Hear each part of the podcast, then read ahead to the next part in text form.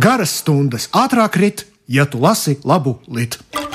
Cienījamie lasītāji, Etīdes par literatūru sarunas ar tulkotājiem, lasījumi un analīze. kopā ar dzinieku Tomu Trēbergu un vēl Ar rakstnieku Svenu Kusminu trešdienās ā, 15.35. ā, LR1. Dzień dobry, panie służycieli. Es tā cerēju, ka tu to izdarīsi. Dzień dobry, panie służycieli, i dzień dobry, Tomas. Mēs gan, protams, atvainojamies jebkuram poļu tautības klausītājam par šo atveidojumu, jo nepretendējam uz poļu valodas zināšanām. Brodskis arī nezinādams poļu valodu tulkoja poļu dzējoļus. Kaut gan tā noteikti ir viena no valodām, ja es atkal atgriezīšos pie aplikācijas Duolingo, tad tā būs mana Duolingo valoda, kur, Poļu, jā. kurā mēģināt ielauzīties. Nu, un uz Žepošpaļītas viļņa mūs ir uzsēdinājusi tulkotāja un dzēniece Ingmāra Balode, un šodien mūsu uzmanības lokā ir rakstnieka ļoti plaša radoša profila speciālista Marcina Vihas krājumiņš lietas, kuras es neizsviedu. Man liekas, tāds interesants fenomens, kā grāmatu klātbūtne cilvēka nu, apdzīvojamajā telpā stāsta šī cilvēka vēsturi un šī cilvēka arī dzimtas vēsturi. Piemēram, es atceros to epizodi, kurā viesojos reiz pie tevis, tavā vasaras mājā. Toreiz vēl bija tā iespēja mm, satikt arī tavu vecmāmiņu, un uh, apskatīju arī mm, grāmatplauktus, kuros uh, gulās gan Dostojevska, gan Puškina, gan Lermontova kopoto rakstu muguriņas. Jā, jā, jā. Čehovs, Levskovs, tur bija visa klasika. Nu, jā, Nabokova tikai nebija sevišķi daudz kaut kāda iemesla dēļ. nu, tā ir tāda arī viena noteikta iezīme par tavas ģimenes vēsturi, un arī manas ģimenes vēsturi. Tu arī esi tā vai citādi redzējis, vai nu manās lauku mājās, vai agrāk, kur es mitinājos um, Āgenskalnā. Tur jau arī tie grāmatu muguriņu stāsti ir tāda ļoti zīmīgs liecinājums Jā. par vēsturi. Ar muguriņām viss sākas, bet, ja tu ierocies dziļāk par muguriņām un apskati kaut vai to, ka, nu, piemēram, Mana vectēva bibliotekā tu redzēsi mana vectēva skaisto ierakstu katrā titulapā, piemēram. Tas man atgādina lielisko ainu no Jevģīņa un Jēgina, kur pats Oņēgins ir jau aizgājis bojā, un tad viņa mīļotā pārskata viņa grāmatu plauktus, un viss, kas no viņa palicis, ir tie zīmuļu ieraksti uz grāmatu malām. Bet tas nav nekāds viss, kas ir palicis. Tas patiesībā ir kaut kas ļoti daudz, kā viņa atklāja. Jo caur tām piezīmēm uz grāmatu malām un pat kaut kādiem aizdomīgiem pasvītrojumiem, no tā visa tu iegūsti kaut kādu savdabīgu, tas ir kaut kādas pēdas, ko tā lasītāja prāts ir atstājis kāda cita prāta darbā, kas man šķiet nu, diezgan apbrīnojami. Un tieši par to pašu Mārcis Vīha savā šajā grāmatā ir lieliski uzrakstījis ievadā. Gribētu, starp citu, zināt, vai tu tam piekrīti, Tom, ka agrāk viņš saka, viņš bija domājis, ka cilvēks vēl aizvien ir dzīvs, kamēr vien mēs varam par viņu izstāstīt. Bet tagad viņš esot sapratis, ka patiesībā ir pilnīgi otrādi. Kamēr mēs nevaram par viņu izstāstīt visu līdz galam, tikmēr viņš ir dzīvs. Jā, nē, es tam pilnīgi piekrītu. Man arī tas uh, iesaistās prātā, un arī autors caur šiem priekšmetiem, arī caur grāmatām risina atmiņas uh, par savu uh, māti, bet klātesoši ir arī tēva figūra. Viņi abi kā tāds, nu, nezinu, tik ļoti klasisks tandēms, uh, kā no bitstrupa kaut kādām karikatūrām, nu, tāds vienlaikus homogēns, bet mēs varam nojaust starp rindiņām, ko arī nozīmē dzīve vienam ar otru, un tie pagrieziena punkti mūsu mūža ceļos, kuros nu, jā, mēs nogriežamies un, un paliekam tādi piezemētāki, bet nu, tādā labā ziņā noformējas kaut kādas konkrētas tradīcijas un nu, izzūd varbūt kaut kāda jaunībai vai, vai teiksim, agram brieduma periodam raksturīgā zin, sociālā biedrošanās vai, vai kaut kas tamlīdzīgs. Varbūt tāpēc es to bitstrupu piesaucu, nu, ka Mārcis Vīkas vecāki iezīmējas tādā it kā klasiskā duetā, bet, nu, protams, autora Mamāna. Mamāhen. Mamāhen. Viņa ir ļoti, ļoti daudzslāņains tēls, un, un par tēvu, citu, Mārciņam Viham ir izlasāms uh, arī tāds garš stāsts ar nosaukumu Urna par to, kā viņš risina nu, tādu sadzīvisku tēmu, kā rīkoties ar, ar, ar savu tēvu pelniem. Mm -hmm. Un šo stāstu, cienījamie lasītāji, jūs varat atrast vietnē wordswithoutborders.com. Nu, lūk, um, šis esēju krājums ir iznācis pirms četriem gadiem, saņēmis Vitolda Gombroviča prēmiju un arī literāro balvu Nīke. Un uh, par šo darbu poļu literatūras zinātnieks un profesors Mareks Zeleskis ir rakstījis, ka Marčins Viha raksta par maigumu, par ko mēs ikdienā kaunamies, un dara to tā, ka mums vairs nav par ko kaunēties. Man liekas, diezgan būtiski tomēr izdarīt tādu nelielu atkāpi, jo vārdu salikums, eseju krājums, nu, vismaz man kā tādam mūsdienu lasītājam šķiet tāds nu, drusciņš garlaicīgs. Nu, esēju krājums tas nozīmē, ka mums būs darīšana ar varbūt kaut kādu teorētisku iztirzājumu vai ko tamlīdzīgu. Un tādēļ man ārkārtīgi pārsteidz tas, ka šī grāmata tiek apzīmogota visur, kur vien nepaskaties, kā esēju krājums, jo nevar noliekt, ka kaut kāds esejiskums viņā ir, bet tajā pašā laikā man nu nekādīgi nelikās eh, šie teksti iekšā vismaz manos aptuvenajos priekšstatos par esejistikas žanru. Vairāk gan drīz vai gribētos likt viņu tādā, tādā, tādā Miniatūra varbūt. Jā, vienā no tiem īsprozas virzieniem, kur var sastapt tādas grāmatas kā Dabīčina Endpils vai Andra Kupriša Berlīne. Nu jā, es saprotu, tu sliecies uz to, ka tās ir tādas skaudrās atmiņu krimaliņas. jā, jā, jā, jā, jā, ja mēs runājam literatūras zinātnes valodā, tad šī ir uh, akadēmiskās literatūras zinātnes valodā. Skaudra atmiņu krimaliņistika šī ir tāda. nu, lūk, un te viens ļoti, ļoti skaists poļu skaudratmiņu krimaliņistikas piemērs no Marcina Vīhas.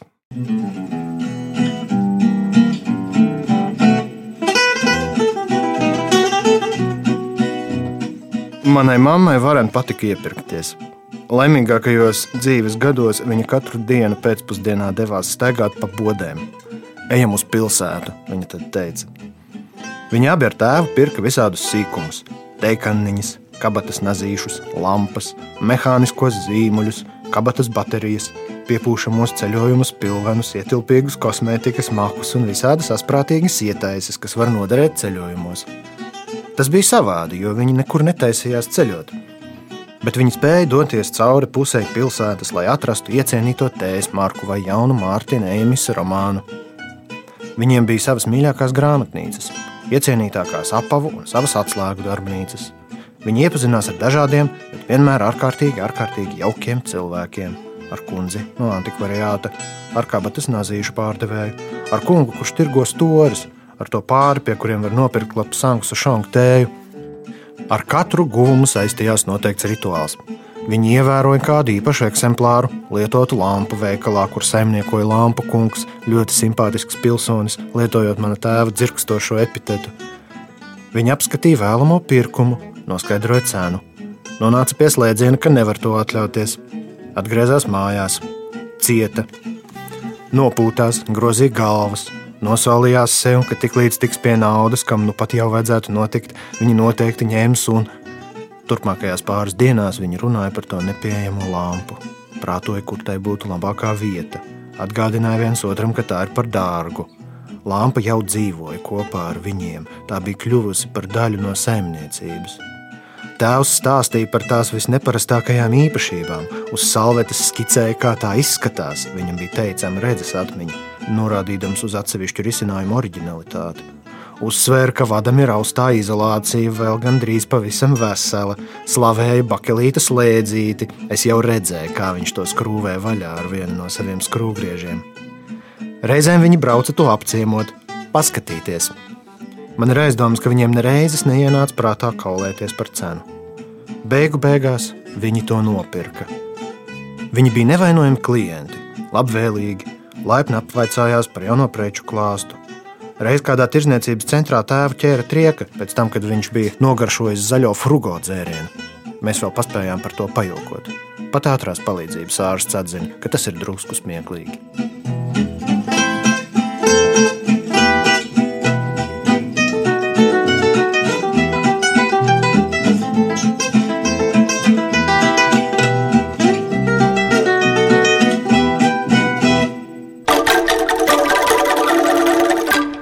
Cienījamie lasītāji, šodien lietas, kuras es neizsviedu, tā stāsta Mārcis Vīha. Vēl kas šajā grāmatā ir ļoti svarīgs, manuprāt, ik katram interesantam, kas ar to sastapsies, ir vēl bez šiem sadzīviskajiem, romantiskajiem, arī skumīgajiem, nenoliedzami, un varbūt pat eksistenciālajiem. Nu, tās virāžas ir pietiekami plašas. Tur vēl uz to, jā. Vēl bez šiem motīviem ir arī interesanta tāda nu, sociālās vēstures izzināšana, konkrēti mūsu draugu poļu pieredzē. Nu, piemēram, man bija ļoti interesanti lasīt par papīra deficītu, kurš nu, kuri gadi tie varēja būt. 70. sākums, nu, diezgan liels tas periods bija ilgs. Jo tikai apmēram tad, kad notika tā dēvētā restruktūrizācija, arī uh, politiskais virziens tika mainīts, un, un tad arī parādījās, kā Vīha raksta, Jā. šie visi krāsaināki un avangardiskāki sējumiņi jā. ar kaut kādām vai nu pikantērijām vai kaut kādiem absurdiem elementiem. Jā, jā, jā. Un pirms tam, kad tās grāmatas dažreiz bija vienkārši sadauzītas kopā bez maz ar kaut jā, kādām jā, jā. mazajām galdnieku nagliņām, biž, biž, biž, kaut ko izplēš. Nu, un, un, un viņš ir dizainers taču. Jā, viņš jā. to caur tādu poligrāfijas un grāmatniecības vēsturi pasniedz vēl piedevām. Jā, jā, tā ir ļoti laba piezīme. Ceru, ka kādreiz arī pie mums latviešu nonāks viņa eh, grāmata. Kā es pārstāju mīlēt dizainu. Jā, tas ir Stāļiem Kohačs dizains. Jā, nu lūk, tāds elements. Un ne tikai poligrāfija, bet arī rakstniecības karuseļa virziena maiņa arī ir interesanta. Vēl par tām sadzīviskajām plāksnēm atcerējos arī Gotfrīda Baumerta leģendāro grāmatu Alfons Trīsvaidziņš, kurā, piemēram, es uzzināju par Vācijas Federatīvās un Demokrātiskās republikas atšķirībām, kur pie Alfona vecākiem atbrauca Alfona tēta sievas māte, tātad Alfona vecmāmiņa, un, un pirmais teikums, ko viņa teica, ienākot pa durvīm, bija, ak, jūs man nabadzīņi no austrumiem, un tam līdzīgi. Tas ir skaisti, kā varbūt pat nevis konkrētas zināšanas, bet vienkārši kaut kādi elementi, kaut kādas detaļas, kas paplašina mūsu redzesloku, ir tādas lietas, ko mēs izlasām nejauši. Tas, ko mūsdienās sauc par random fakti. Vīkas grāmatā tādu visādu sīku detaļu ir ārkārtīgi daudz. Tu lasi it kā par kaut ko citu, tu lasi par mamāhenu dzīvi. Bet ik pa brīdim tu atduries pret kaut ko interesantu, un tu domā, oh, šo es nezināju. Un no vienas puses tas paskaidro kaut ko tikai par vienu laika posmu Polijā, bet nu, tu zini, viņš jau tas mazais faktiņš. Viņš, viņš apauga ar kaut kādiem ar vien jauniem un jauniem paplašinājumiem, ja tu sāc par to domāt.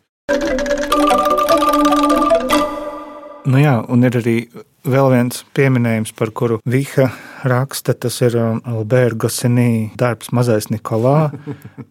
Un Vīha ļoti forši izstāstīja to nu, šī literārā darba nozīmi, jo tie ir 60. gadi, 60. gadu pirmā puse Francijā. Un tur ir šī jaunā ģimene, kura pēc otrā pasaules kara sekojošās, nu, ja ne stagnācijas, tad ļoti pieticīgas dzīves etapiem.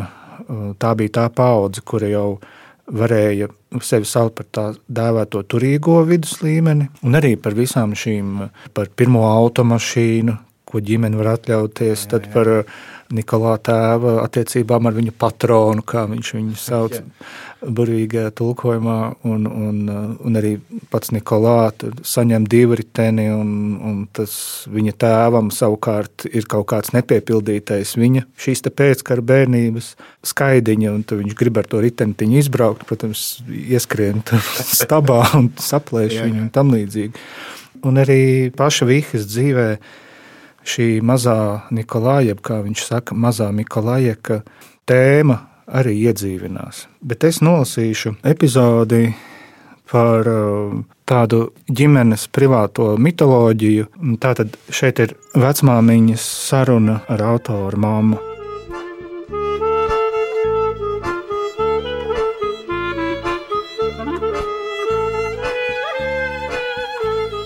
Mūsu mātes mums neiemācīja gatavot ēst, viņa teica. Mūsu uzaudzināja saimnieces. Viņa turklāt piebilda pārgājus uz vienskaitli, ka viņu ģimenes saimniece nokristījusi viņu ar ūdeni, liekots arī nozīmēt. Tā izdarīgā sieviete izglāba manas mātes dvēseli, taču arī viņa neiemācīja gatavot ēst. Mūsu māte cēla komunismu, manējā piebilda. Tieši tā, manas mātes māte bija salīdzinoši nekaitīga komunismu cēlāja. Viņa nezaudēja veselo saprātu. Tas nozīmē, viņu nepameta pesimisms. Vecā māte strādāja marginālā posmā, nodarbojās ar bērnu grāmatām, bet ap 1968. gadu viņa aizsūtīja pensijā. Viņa neiemācīja manai mātei gatavot. Varbūt pašai gatavot nemaz nepatika. Varbūt viņa negribēja. Varbūt ēdienam nebija tādas nozīmes. Varbūt nekam nebija tādas nozīmes. Varbūt viņai nebija spēka. Aizlaucīta pensijā, kaut ko jau viņa meistaroja, gan bez lielākas pārliecības vai intereses. Reizēm uztaisīja kādus masālītos gurķīšus vai uzcepa saldos žagariņus, reizēm gatavoja karpu galertā. Deleģēts izmirušās tradīcijas pārstāvis tagadnē. Skumīgs un akls radījums greznots ar burkānu šķēlēm. Kādēļ tieši karpa? Vai nebija nekā labāka? Mātei bija viena īpaši mīļa tante, kur stāstīja visādus pastāstīņus.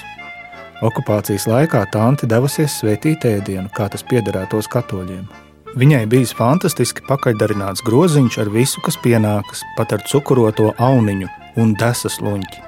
Groziņš zelta vērtē, labāks vēl par kristām zīmi.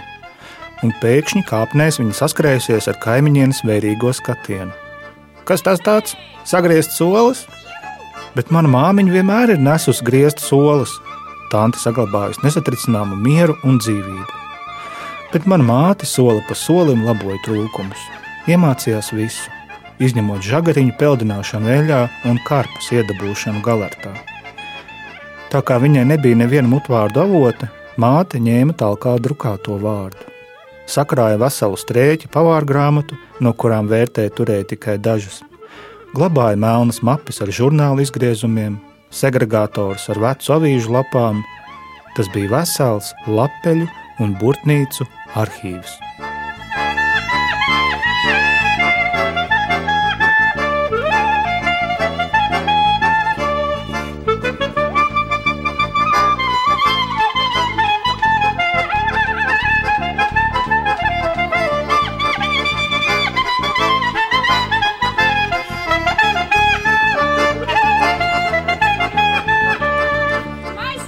Cienījamie lasītāji, šodien izskatām Mārciņa Vihas.